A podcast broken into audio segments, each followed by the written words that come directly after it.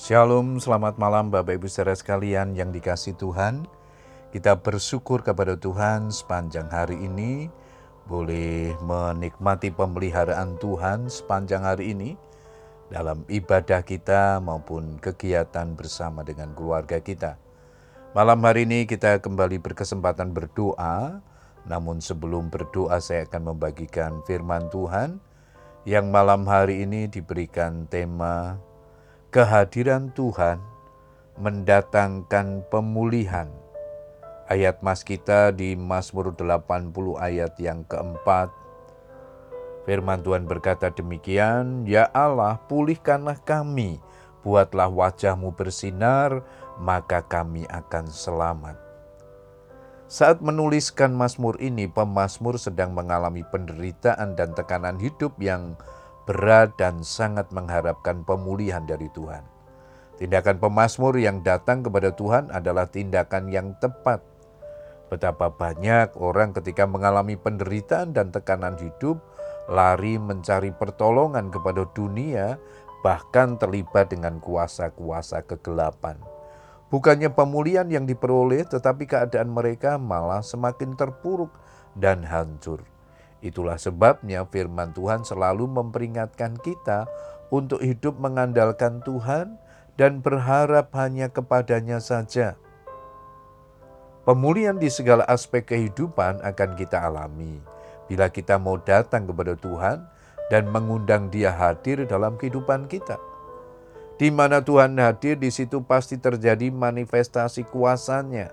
Ada pemulihan, ada perubahan, ada kelepasan, ada kemenangan, ada pertolongan, bahkan mujizat Tuhan.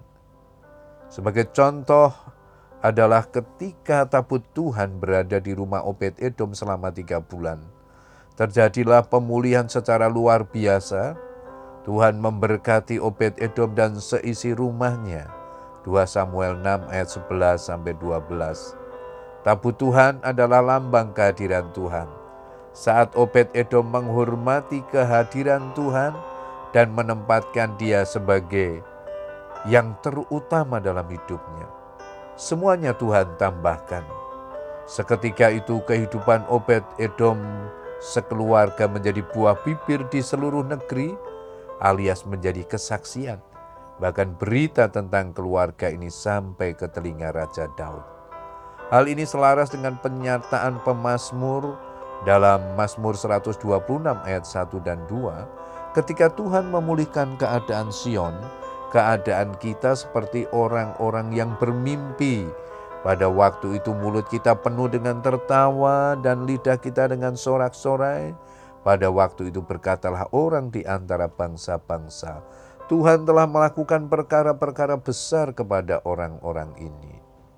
Bapak Ibu saudara sekalian, jangan pikirkan dengan cara apa dan bagaimana Tuhan memulihkan kita.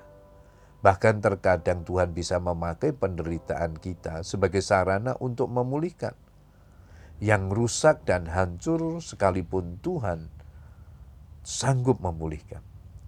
Apabila bencana yang sedang dibuatnya dari tanah liat di tangannya itu rusak, maka tukang periuk itu mengerjakannya kembali menjadi bencana lain menurut apa yang baik dalam pemandangannya.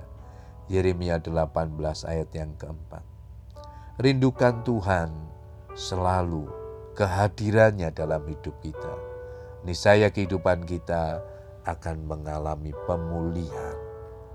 Puji Tuhan, Bapak Ibu Saudara sekalian, biarlah firman Tuhan ini memberikan semangat, memotivasi kita untuk terus hidup dekat kepada Tuhan, Alami dan rasakan kehadirannya dalam hidupmu yang akan memulihkan tidak hanya di dalam keluarga, tetapi juga pekerjaan dan masa depanmu. Selamat berdoa dengan keluarga kita. Tuhan Yesus memberkati. Amin.